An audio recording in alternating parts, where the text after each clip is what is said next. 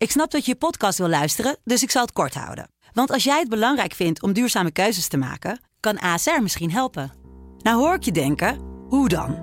Nou, bijvoorbeeld bij het duurzaam herstellen van schade. Of de premies die we beleggen volgens ons duurzaam beleggingsbeleid. Dat bepaalt waar we wel en juist niet in investeren. Wil je meer weten over welke duurzame keuzes ASR maakt? Ga dan naar asr.nl/slash duurzame keuzes. ASR doet het. Zo, dan kan je nu lekker naar je podcast luisteren. Deze twee weken staat het verhaal over de ontvoering van Michael Hughes centraal. De zoektocht naar de jonge jongen opent een beerput aan vervalsingen en leugens. Want wie is de dader en wie zijn eigenlijk Michaels ouders?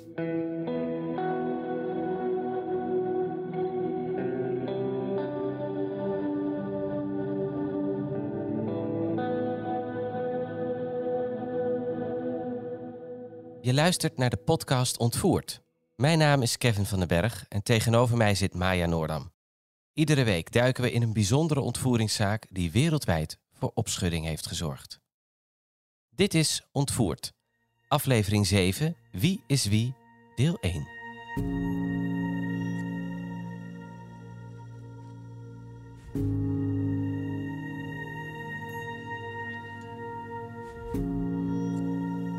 We gaan naar Oklahoma City, de hoofdstad en tevens grootste stad van de staat Oklahoma. Een staat die zich omringt door andere staten, maar toch een zeeklimaat kent. Warme zomers, gematigde winters en gedurende het hele jaar valt er veel regen. Daarbij kent de staat ruim 50 tornado's per jaar. Het is 30 april 1990. Een paar dagen ervoor raasde een relatief bescheiden tornado over het land en we staan aan de vooravond van de regenachtigste maand. In Oklahoma City wordt langs een snelweg het lichaam gevonden van een jonge blonde vrouw.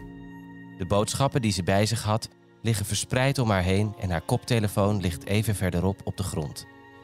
De politie gaat uit van een aanrijding en brengt haar met spoed naar het ziekenhuis. De vrouw heeft geen idee bij zich. Maar terwijl ze het ziekenhuis wordt binnengereden, roept ze: Papa, papa!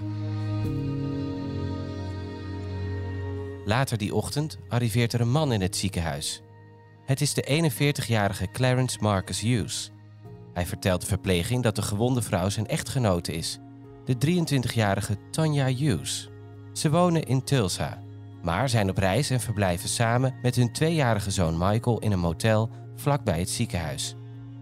Clarence legde uit dat Tonya boodschappen was gaan doen en dat hij ondertussen in het motel in slaap was gevallen. Pas de volgende ochtend realiseerde hij zich dat zijn vrouw niet was teruggekeerd en nam contact op met de politie. Die vertelde hem dat er een vrouw was opgenomen in het ziekenhuis en dat het wellicht om zijn vrouw ging. En dat blijkt ook zo te zijn. Nadat Clarence zijn vrouw in het ziekenhuisbed ziet liggen, plakte hij een bordje op de deur waarop staat: geen bezoekers. Tonja wordt onderzocht en de dokters vinden sneeën en blauwe plekken, sommige nieuw en andere al een stuk ouder.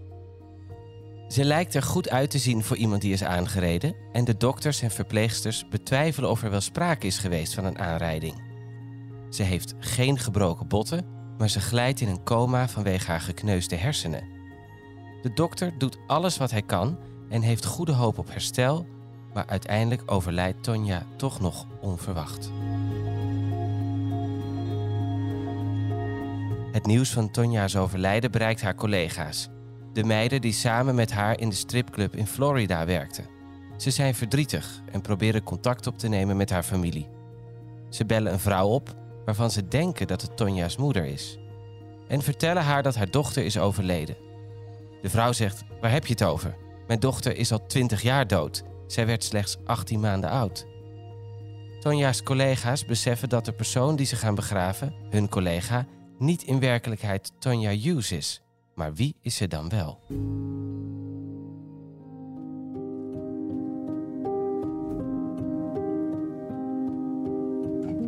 Ondertussen blijft Tonja's zoontje Michael alleen bij Clarence. Het ziekenhuis spreekt met de vriendin van Tonja die haar zorgen over de jongen uit. Ze is bang dat hij niet veilig is bij Clarence. Verpleegsters vertellen haar dat Michael niet meer praat, terwijl dat niets voor hem is. Dat bevestigt haar vermoedens. De verpleegsters helpen de vriendin van Tonja om naar de kinderbescherming te gaan en haar zorgen te delen. En met succes. Michael wordt al de volgende dag opgehaald en in een pleeggezin geplaatst. De tweejarige Michael komt hiermee, een dag na het overlijden van zijn moeder, terecht bij Ernst en Merle Bean. Hij lijkt in de war te zijn en vertoont vreemd gedrag, maar al na de eerste week komt hij wat meer tot rust. De vier jaar die volgen blijft hij bij Ernst en Merle, maar pas na twee jaar zien ze hem fysiek, mentaal en emotioneel groeien. Ze zijn dol op hem en geven hem veel liefde en begeleiding bij zijn ontwikkeling. Gedurende die vier jaar probeert Clarence zijn zoon terug te krijgen en stapt hij naar de rechter. Hij heeft al wel bezoekrechten, maar Michael vindt het vreselijk wanneer hij naar zijn vader toe moet. Hij noemt hem die enge man, lijkt doodsbang te zijn en verstopt zich op de dagen dat hij naar zijn vader moet. Toch hebben Ernst en Merle geen keus.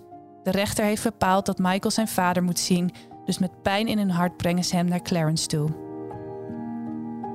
Op een gegeven moment stelt de kinderbescherming, met oog op de rechtszaak van Clarence, voor om een vaderschapstest uit te laten voeren en dit gebeurt dan ook. En wat blijkt?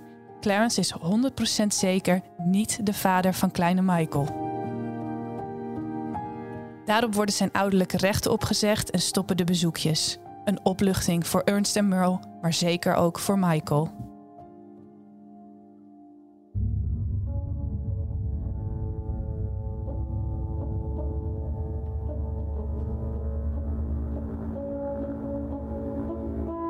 Maar Clarence geeft niet op. Op 12 september 1994 loopt hij de school van Michael binnen, vraagt om directeur James te zien en trekt een pistool uit zijn zak. Hij zegt dat hij zijn zoon komt halen en dat James hem daarbij gaat helpen. Clarence loopt samen met James het lokaal van Michael in, met zijn pistool nog altijd in de aanslag. Hij neemt Michael mee en verdwijnt met hem en directeur James in de auto van James. Ze rijden een stukje en lopen vervolgens een bos in. Daar bindt Clarence James vast aan een boom met tape en tie wraps.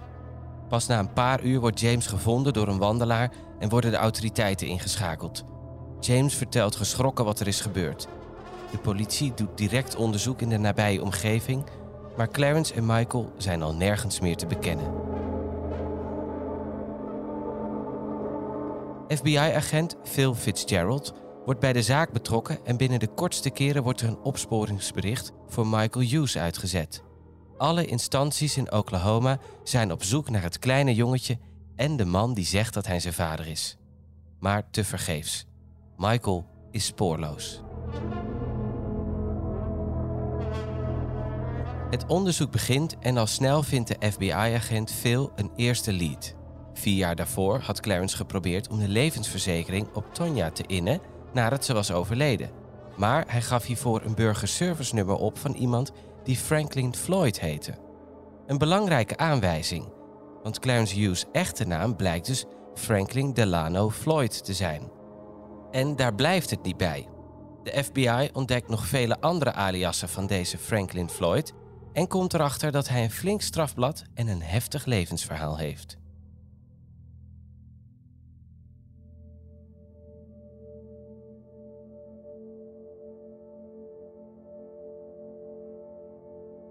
Franklin Delano Floyd werd geboren in 1943 in Barnesville, Georgia, als de jongste van vijf kinderen van Thomas en Della Floyd. Kort na Floyds eerste verjaardag overleed zijn vader aan nier- en leverfalen op 32-jarige leeftijd. Floyds moeder Della, een weduwe op 29-jarige leeftijd, worstelde om zelf genoeg geld te verdienen voor haar en haar kinderen. Dus het gezin woonde in een klein appartement bij haar ouders. In het daaropvolgende jaar werd het voor Floyds grootouders te zwaar om voor het grote gezin te zorgen. En in 1946 vroegen ze Della en haar kinderen om te vertrekken. Op advies van de kinderbescherming werden Floyd en zijn broers en zussen hierop naar kindertehuis Georgia Baptist Children's Home in Hapeville gebracht. Daar werd Floyd gepest door andere kinderen omdat hij vrouwelijk zou zijn en werd hij seksueel misbruikt, onder meer met behulp van een bezem.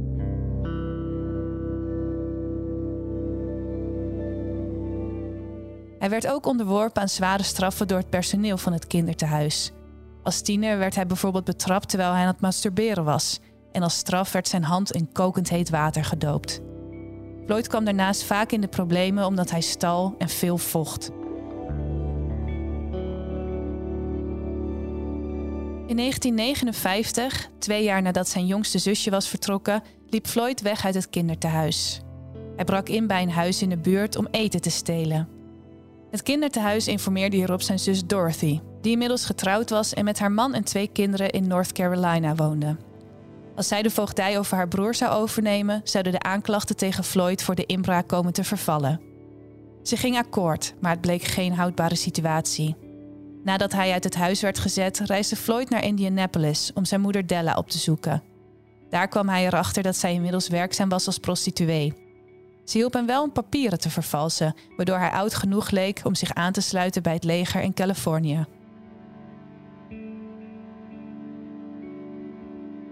Maar helaas, het leger kwam er na zes maanden achter dat de papieren vervalst waren en dat hij nog minderjarig was. Hij probeerde zijn moeder weer te vinden, maar tevergeefs. Zij stierf op 2 juli 1968 en werd begraven in Chicago, Illinois. Floyd trok als zwerver het land door met zware mentale problemen. En dat leverde een flink strafblad op. In 1960, op 16-jarige leeftijd, brak hij in bij een warenhuis om een pistool te stelen. De politie reageerde snel op het inbraakalarm en dat resulteerde in een schietpartij tussen Floyd en de politie. Floyd werd hierbij in zijn buik geschoten en moest met spoed geopereerd worden. Na zijn herstel werd hij naar een jeugdinstelling gestuurd. Maar in 1961 werd hij alweer gearresteerd voor het overtreden van zijn proeftijd door samen met een vriend op een visuitje te gaan naar Canada. Een jaar later keerde Floyd terug naar Hapeville en vond hij een baan bij Atlanta International Airport. De daaropvolgende maand ontvoerde hij een vierjarig meisje uit een bowlingcentrum en hij misbruikte haar in het naastgelegen bos. Hij werd aangeklaagd voor ontvoering en kindermisbruik en werd veroordeeld tot 10 tot 20 jaar gevangenis in de Georgia State Prison in Ratesville. In november van dat jaar werd hij verhuisd naar Milledgeville State Hospital voor psychiatrisch onderzoek. Toen hij op een dag mee naar buiten werd genomen voor een medische boodschap, ontsnapte Floyd en hij vluchtte naar Macon. Daar beroofde hij een bank voor meer dan 6000 dollar. Hij werd gepakt en veroordeeld. Na een tweede ontsnappingspoging werd hij overgebracht naar een andere gevangenis in Pennsylvania. Daar werd hij constant verkracht door andere gevangenen. Het werd zo erg dat hij het dak van de gevangenis opklom en dreigde om zelfmoord te plegen. Uiteindelijk kwam Floyd in 1968 weer terug in Georgia State Prison en hij raakte bevriend met medegevangene David Dial. In 1972, tien jaar na zijn veroordeling voor de ontvoering en verkrachting van het vierjarige meisje, werd Floyd vrijgelaten en naar een rehabilitatiehuis gestuurd. Na een paar maanden werd hij ook hier vrijgelaten. Slechts een week later benaderde hij een vrouw bij een benzinestation. Hij dwong haar in een auto en probeerde haar seksueel te misbruiken. De vrouw wist echter te ontsnappen en Floyd werd opnieuw gearresteerd. Hij overtuigde David Dial, zijn vriend uit de gevangenis, om zijn borg te betalen. Floyd kwam op vrije voeten en moest op 11 juni 1973 voor de rechter verschijnen. Maar Floyd kwam niet opdagen en werd daarom sindsdien beschouwd als voortvluchtig.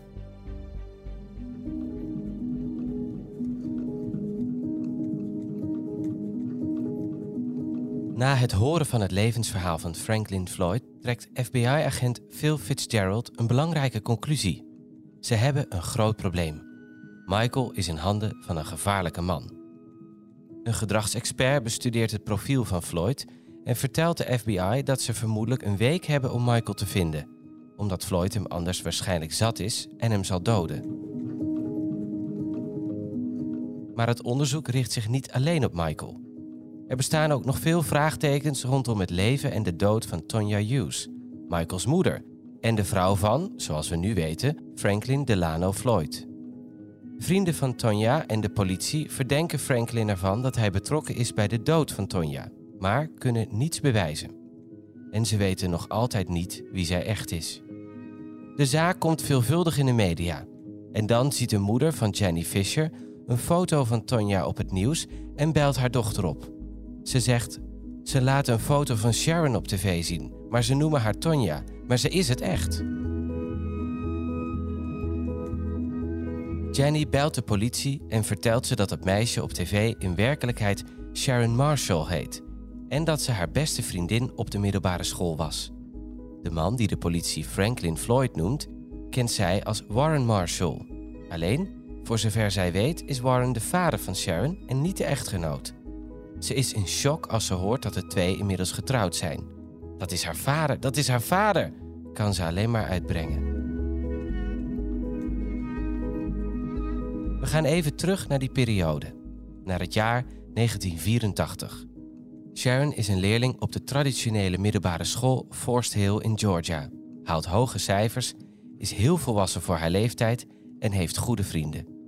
Ze woont alleen samen met haar vader Warren, die wij inmiddels kennen als Franklin Floyd. Haar vrienden vinden hem heel streng en ook heel raar. Op een dag gaat Jenny bij Sharon logeren. In haar slaapkamer trekt Sharon een la open en laat haar hele sexy lingerie zien. Gekregen van haar vader, zegt ze. Opeens stapt Warren de kamer binnen met een pistool. Er zijn geen deuren in het huis, alleen maar gordijnen. Hij richt het pistool op de meiden en schreeuwt: Wat doen jullie? Jenny gilt.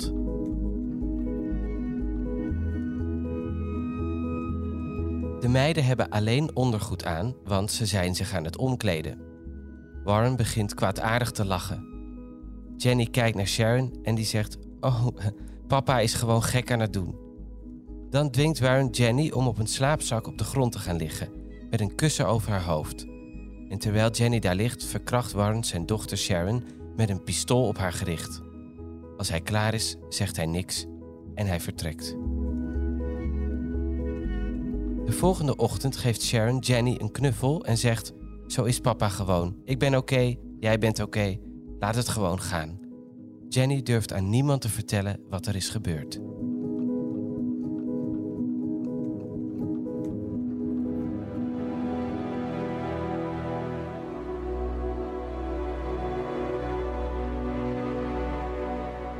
Op de middelbare school wil Sharon dolgraag naar Georgia Tech om ruimtevaarttechniek te studeren. En dat lijkt te lukken. Ze werkt keihard, wordt toegelaten en krijgt een volledige beurs. Het is de beste dag van haar leven. Maar dan ontdekt ze dat ze zwanger is. Ze besluit dat ze het kindje gaat laten adopteren, onder dwang van haar vader. Maar ze mag van haar vader niet meer studeren nu ze zwanger is. Haar droom om naar Georgia Tech te gaan spat uiteen.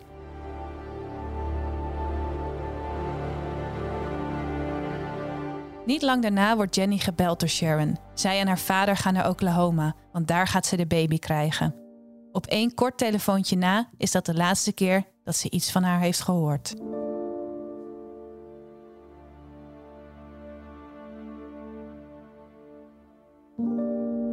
We maken een sprongetje naar 1988, zo'n vier jaar nadat Sharon samen met haar vader vertrok. Sharon komt te werken bij stripclub Mons Venus in Florida. Dit is het moment dat Sharon zich Tonya gaat noemen en haar vader Warren, die wij kennen als Franklin Floyd, gebruikt de naam Clarence. Voor het gemak blijven we ze in dit verhaal Sharon en Floyd noemen. In de stripclub wordt de vreemde relatie tussen Sharon en haar vader direct onderwerp van gesprek voor de andere meiden die daar werken. Zo pusht hij haar om zoveel mogelijk te werken en seks te hebben met klanten om geld te verdienen. Tijdens luxe feestjes biedt ze haar seksuele diensten aan voor 50 dollar. Naar eigen zeggen op verzoek van haar vader, die haar ook nog eens condooms had gegeven. De meiden vinden het walgelijk dat haar vader haar hiertoe dwingt. Al snel wordt Sharon, die dan bekend staat als Tonya, opnieuw zwanger. Ze bevalt van zoontje Michael en ze is dol op hem. Het valt haar collega's wel op dat Michael zijn vader Clarence, die wij kennen als Floyd, uit de weg gaat maar hij mag nergens alleen met zijn moeder naartoe. Floyd moet overal bij zijn. Ook heeft Sharon regelmatig flinke blauwe plekken. Maar daarover zegt ze dat ze is gevallen. Op een dag vertelt Sharon aan een van haar vriendinnen van werk dat Floyd een levensverzekering op haar had afgesloten. Ze is doodsbang, maar ze durft niet weg te gaan omdat Floyd Michael en haar constant in de gaten houdt. Een collega van Sharon, Karen, moedigt haar toch aan om de dominante Floyd te verlaten.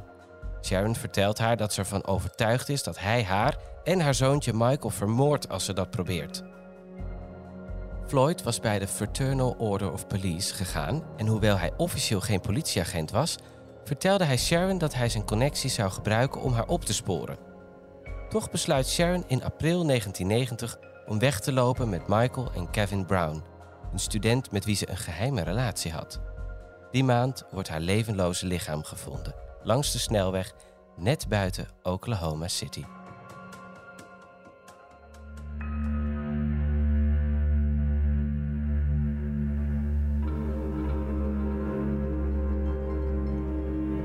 In de tijd dat Sharon bij Mons Venus werkt, is Cheryl een van haar beste vriendinnen. Ook zij is werkzaam in de stripclub. Ze wil graag model worden en uiteindelijk in de Playboy staan. Ze gaat veel met Sharon en Floyd om. Op een dag gaan de oppas van Michael en Floyd samen een opgenomen worstelwedstrijd kijken. En dan verschijnen opeens Sharon en Cheryl in beeld. Topless gefilmd door Floyd, die de tv snel uitzet en de oppas agressief vertelt dat ze maar gauw moet vergeten wat ze zag. De meiden van Mons Venus komen hierachter en confronteren Cheryl met het verhaal. Zij vertelt dat Floyd haar had gevraagd of hij foto's van haar mocht maken en had gezegd dat hij een video van haar naar Playboy zou sturen. Ze zou een ster worden. Ook probeerde hij seks met haar te hebben, maar dat weigerde ze, waarna hij erg agressief werd. Even later verschijnt Cheryl bij Mons Venus met een blauwe plek op haar wang, een blauw oog en striemen op haar nek. Het is duidelijk dat ze gewurgd is. Floyd lijkt geobsedeerd door haar. Hij belt heel vaak naar de club om te vragen waar ze is, wil haar achternaam weten en weten waar haar vader woont. Op een avond wordt Floyd gezien met Cheryl op de parkeerplaats van Mons Venus en ze hebben een verhitte discussie. Hij schreeuwt naar haar en zegt dat hij haar gaat vermoorden. Cheryl wordt daarna nooit meer gezien en kort daarop verdwijnen Sharon en Floyd.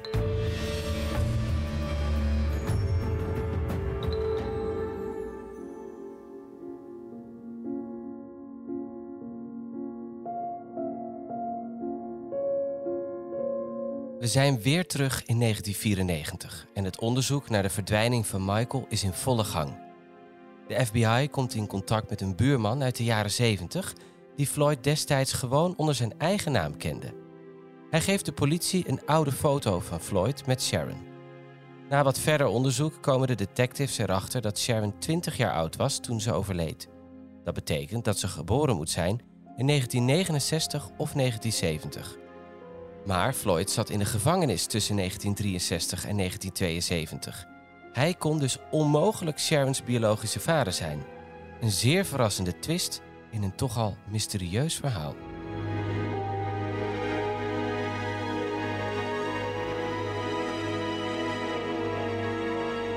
Sharon is dus niet Floyds echte dochter, maar is wel op die manier door het leven gegaan. Met Floyds verleden in het achterhoofd komt FBI-agent Joe al snel tot de conclusie: Floyd heeft ook Sharon ooit ontvoerd.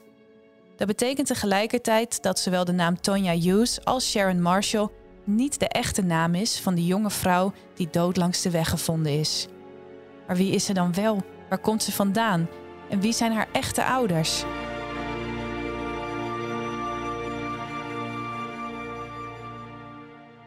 Die antwoorden krijg je wellicht volgende week. Tot zover het eerste deel van het ongrijpbare verhaal over Michael en Sharon. Wil je alvast een beeld krijgen van hen? Kijk dan op onze Instagram-pagina ontvoert de podcast.